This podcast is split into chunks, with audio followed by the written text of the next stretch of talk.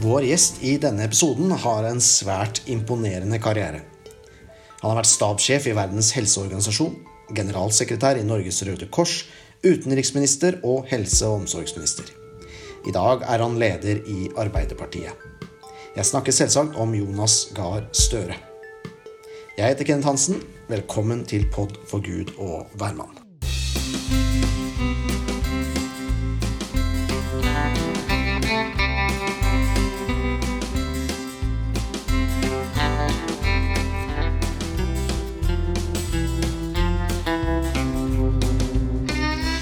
Jonas Gahr Støre, velkommen hit til eh, Pod for Gud og hvermann. Tusen takk skal du ha. Eh, jeg har hørt eh, deg si at din kristne tro, den kom i voksen alder. Og det har bl.a. kommet ut fra de tingene som du undrer deg over i livet. Og dette med undring, det syns jeg, jeg er litt spennende. Eh, hva, hva, er det du undrer deg over? Nei, det er jo et uh, som vi sier, eksistensielt spørsmål, egentlig. Uh, og på livets vei så har jeg jo møtt mange mennesker som har snakket mye om sin barnetro. Uh, og jeg er vokst opp i et hjem hvor foreldrene mine ba aftenbønn med meg. Vi hadde noen årlige ritualer i forhold til kirken, men jeg vil si at vi hadde ikke et et levende kristenliv i min oppvekst. Eh, eh, jeg husker foreldrene mine var eh, til stede og bidro med konfirmasjonsundervisning, la til rette for det, men, men det var ikke tilstedeværende formende del av min oppvekst. Men undringen lå vel egentlig i det at jeg var kunnskapstørst, opptatt av å vite hvordan ting hang sammen. Jeg var engasjert i, i samfunnsspørsmål. Og det var jo flere spørsmål der som trakk meg mer mot undring enn mot sikre svar. Det tror jeg på en måte er barndommen min og veien opp. Og hvor jeg fant mye mening i det som lå rundt øh, øh, refleksjonene rundt, rundt, Gud, rundt øh, nestekjærlighet, rundt det, det, medansvaret vi har, som også har en mer åndelig, etisk verdi. Det kan jeg skrive tilbake til barndommen. Og så tror jeg som voksen menneske, som politiker, som utenriksminister i den politikken jeg står i dag, så er jeg egentlig ydmyk overfor den delen som går på undring. Den, den tryggheten i at vi ikke finner uh, alle svar i det vi regner oss frem til eller kalkulerer uh, oss frem til i, i, i uh, arbeidet, men, men, søker hen til en dimensjon utenfor det som er det veldig materielle og jordiske. Og Der har nok jeg funnet en, en, en trygghet mer i, i den troen. Jeg har gjort det. og egentlig sammen med kona mi, som um, har litt av det samme utgangspunktet i livet. og som jo egentlig har gått et lenger enn meg, da, vil jeg si ved at hun uh, faktisk endte opp med å studere teologi og nå jobber som prest. Så har det jo skjedd noe i hennes liv som er mer eh, konsekvent enn en meg, da. Ja, vi har jo en rekrutteringskrise i kirken, Jonas, så det er jo mulighet for, for, for deg i år hvis du har lyst. ja, det er mulighet for det, men jeg må si at jeg har fulgt studiene til Marit. Da, og det er jo, Hun tok jo, gjorde dette i voksen alder, og jeg er jo blitt veldig ydmyk overfor hvor omfattende det er, og hvor stort arbeid det er å sette seg inn i og studere, og, og, grundigheten både øh, ja, øh, historisk øh, og, og, fagmessig. Det er, et, det er et, et, et, stort, et stort pensum. Så det er et både intellektuelt og åndelig litt av en økt å gå løs på. Um, kan du si litt om hvordan uh, ditt forhold til, til tro har påvirka verdigrunnlaget ditt? Jeg vet ikke helt hvor grensegangen går jeg egentlig mellom uh, politisk oppfatning, det som vi har vært vant til å kalle ideologi, det vi kan kalle tro, åndelighet, uh, eller rotfestede verdier i vår kultur.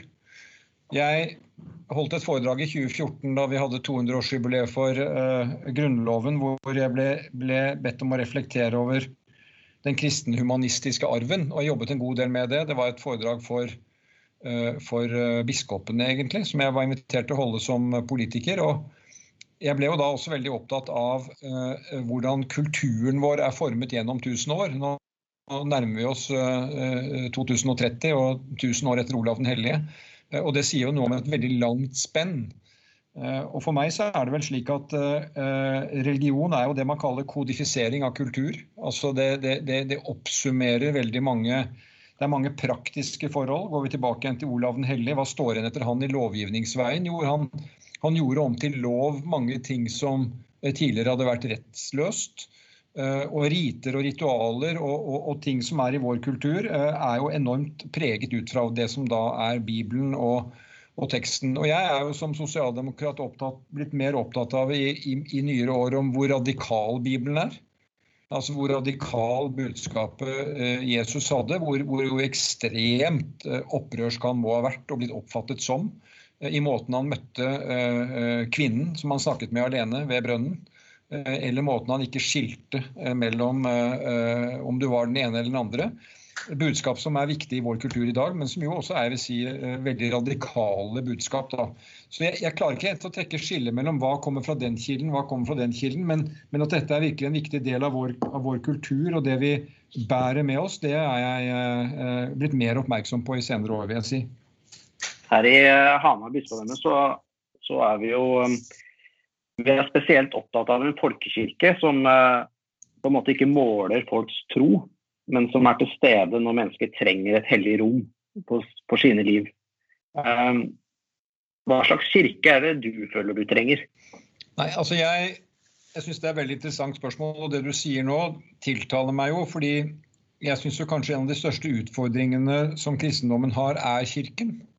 Altså Hvordan, hvordan gjør man Kirken til det du nå sier, eh, som et sted som har lav terskel, og som gir trygghet, som gir eh, tilhørighet. Og så kan man jo si at det er ekstremt krevende i vår tid å, eh, å, å, å tilpasse et sted og ritualer til at det passer inn i de livene folk lever.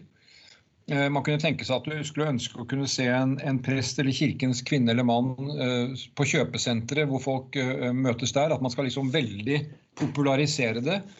Det er jeg skeptisk til. Men, men jeg, jeg, jeg, tror det er en veldig utfordring for Kirken å kunne tilby mennesker som søker i undring og som søker trygghet, uh, at, de, at, de, får noe viktig med seg. At de blir, at de blir på en måte tilført noe som berører dem i livet. Eh, og der syns jeg at jeg møter et veldig spenn da, i, i, at jeg kan være i kirke og sitte i en gudstjeneste og etterpå måte si at vet du hva, helt ærlig, jeg er ikke berørt. Jeg er ikke preget av det jeg har hørt. Til å være i, i sammenheng hvor jeg føler at nå ble jeg virkelig jeg ble virkelig tatt med på, en, på, en, på noe som betød noe for meg. Og så er jeg ydmyk til å si at det, jeg har ikke noe noe klart svar på hvordan det kan gjøres. Skyldes det den dyktige kirkelige lederen, presten, den, som, den du møter? Eller er det noe, noe, med ritualene? Jeg tror kanskje det har noe med alt å gjøre. Men jeg tror det er en stor stor oppgave i vår tid.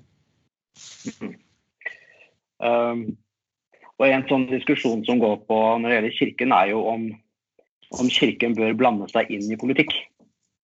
Og Det har jeg pleid å stille uh, de politikerne som vi har intervjua, og har fått litt sånn forskjellige svar på det. Uh, hva tenker du? Bør kirka, bør kirka blande seg inn? Det er helt umulig å lage eh, vanntette skott som sier at ikke tre inn på min arena. Eh, noe av det som har gjort inntrykk på meg når jeg har hørt Kirken, det var biskopen i Oslo, Kari Weiteberg, som holdt uh, gudstjeneste 22.07. Og klarte å sette 22.07 inn i en sammenheng om, om, om viktige temaer. Snakket hun om politikk? Eh, ja og nei. Hun snakket jo med utgangspunkt i det kristne budskapet. Og det kristne budskapet er universelt. Eh, jeg sa det er radikalt. Det handler om menneskesyn, nestekjærlighet. Det er klart at det berører politikken.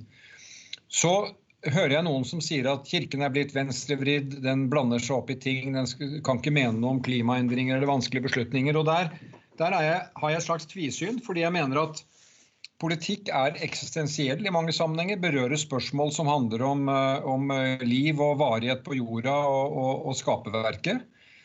Men det er, også, det er heller ikke nok å få utsiden ha sterke meninger om politikk uten å sette seg inn i hva politikk egentlig handler om, hvilke beslutninger det handler om, hva, hva det er en del av.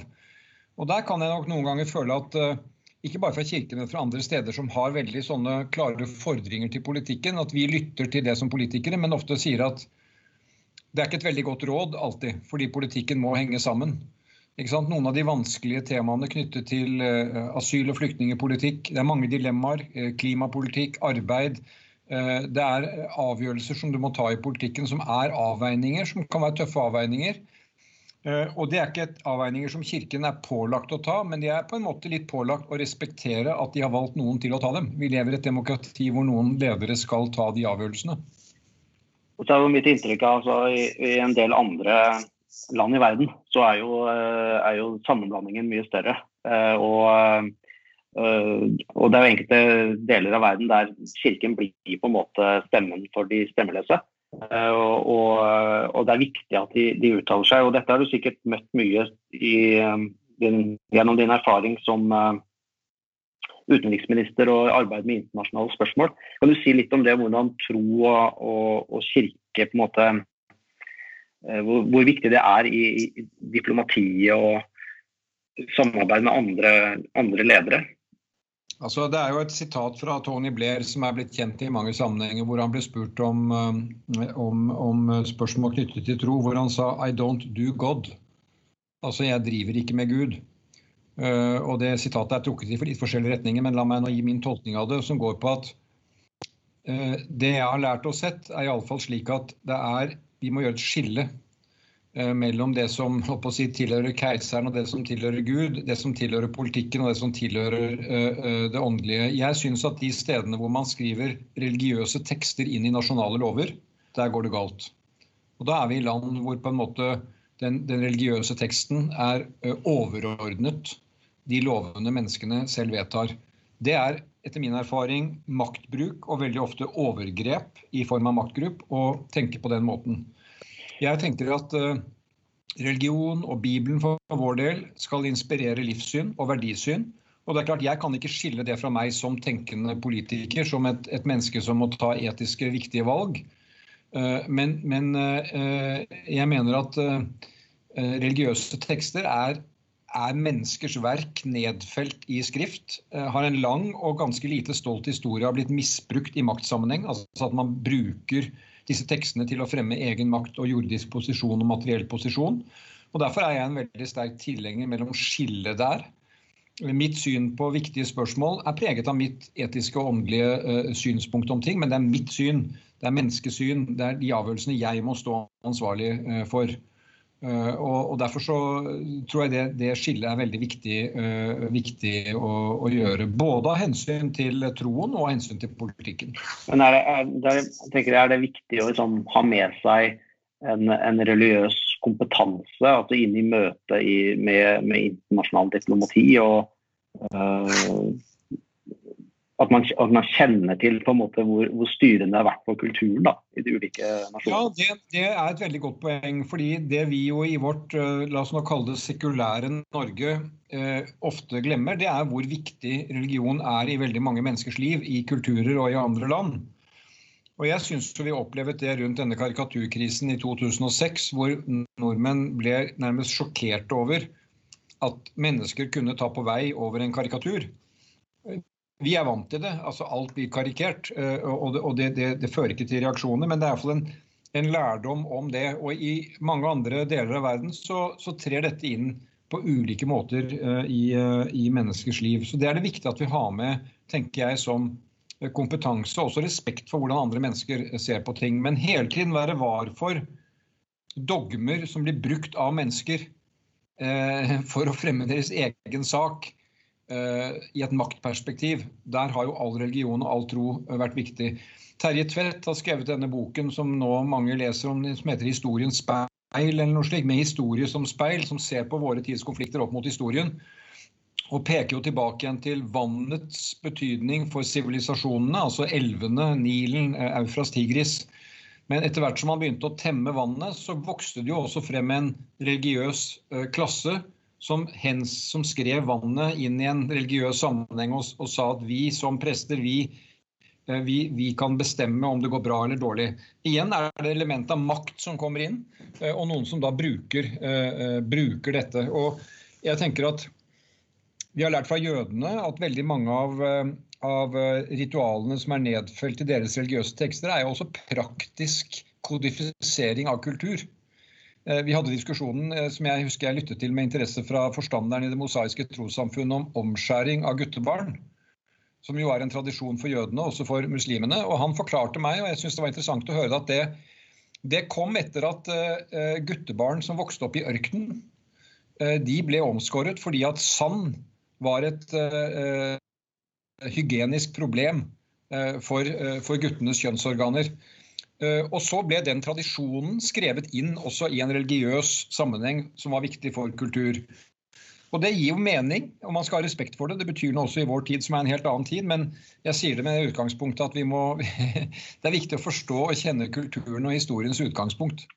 Men har det blitt litt sånn, eh, litt sånn tabu i Norge å snakke om uh, sin kristne tro? Altså, du gjør det jo veldig åpent og, og, og ærlig, da. Men, men, jeg opplever kanskje liksom Jeg selv òg har jo kjent på det. og Det å stå fram og si at en har et kristent uh, ståsted, kan være litt kan være litt krevende. Uh, og Det er jo i min sammenheng, men også, også i, på nasjonalt nivå. Hva tenker du om det? Ja, ja og nei. Jeg, jeg syns vel at uh, når mennesker blir utfordret, så er det jo veldig mange som blir med på en reise innom at de kan dele undring, at de ikke har svar på alt. Uh, uh, de som kaller seg konsekvens ikke-troende, eller nærmest ja, hvis de er ateist eller hva det måtte være, snakker jo ofte det om, som om det var en slags tro. Altså en, en ting de, de, de henfaller til. Så min erfaring er at hvis samtalen er riktig, så får du engasjert folk i samtale om dette. Eh, men, men eh, det er jo litt uvant terreng, da. Tynn is. Eh, og folk kan bli usikre på hva dette betyr i den ene og den andre retningen. Men, men for meg så har det iallfall ikke vært noe, noe, noe vesentlig problem å, å, svare på de spørsmålene. Det er ikke noe Ja. Nei, jeg, jeg, jeg syns at de som stiller spørsmål om det, de fortjener svar, og de får, få, de får det jeg gir. Så har vi vært igjennom 2020. Eh, eh, et kriseår. Eh, vanskelig år for mange. Og i kriser så, så ser man ofte at Kirken blir veldig aktuell og nærværende. Vi har sett det nå i romjula på Gjerdrum, og nå senest denne hyttebrannen. Hva tenker du om eh, kirkene og trossamfunnenes rolle i, i, eh, i, vanskelige tider? Nei, Det, det syns jeg du gir et godt svar på. at uh, Jeg tror de aller fleste av oss vil oppleve at den åpenhet, åpen dør, uh, stillheten, tenne lys, disse ritualene vi har utviklet i, i krevende tider, de, der spiller Kirken en veldig viktig rolle for, for mennesker. Ehm, og det er jo igjen det øyeblikket i livet hvor du har behov for å tre litt ut av det helt vante eh, rituelle, eller den vanlige dagsorden hvor timene tikker og går. Når livet stopper opp, så er det en veldig viktig funksjon. Så ser jo jeg utfordringen med å være i Kirkens tjeneste i koronatiden. Eh, fordi at så mye av, korona, mye av Kirkens virksomhet er jo å møte folk, være tilgjengelig for dem, samle dem. Og det er jo akkurat det vi nå ikke kan. Så jo, mitt budskap er jo liksom hold ut. Uh, vi kommer gjennom dette. Jeg skal akkurat nå planlegge begravelse for min egen mor, uh, som uh, gikk bort på lørdag. Og vet at vi kan ha begravelse med 50 mennesker. og da må vi håndtere det. men nå er det jo blitt slik i vår tid at også begravelse kan deles på nett. og man kan være tilgjengelig. Og det er fint at Kirken strekker seg for å bruke de mulighetene til å være nær hos folk. Jeg har litt lyst til å spørre deg om eh, eh, forholdet mellom arbeiderbevegelsen og kirken.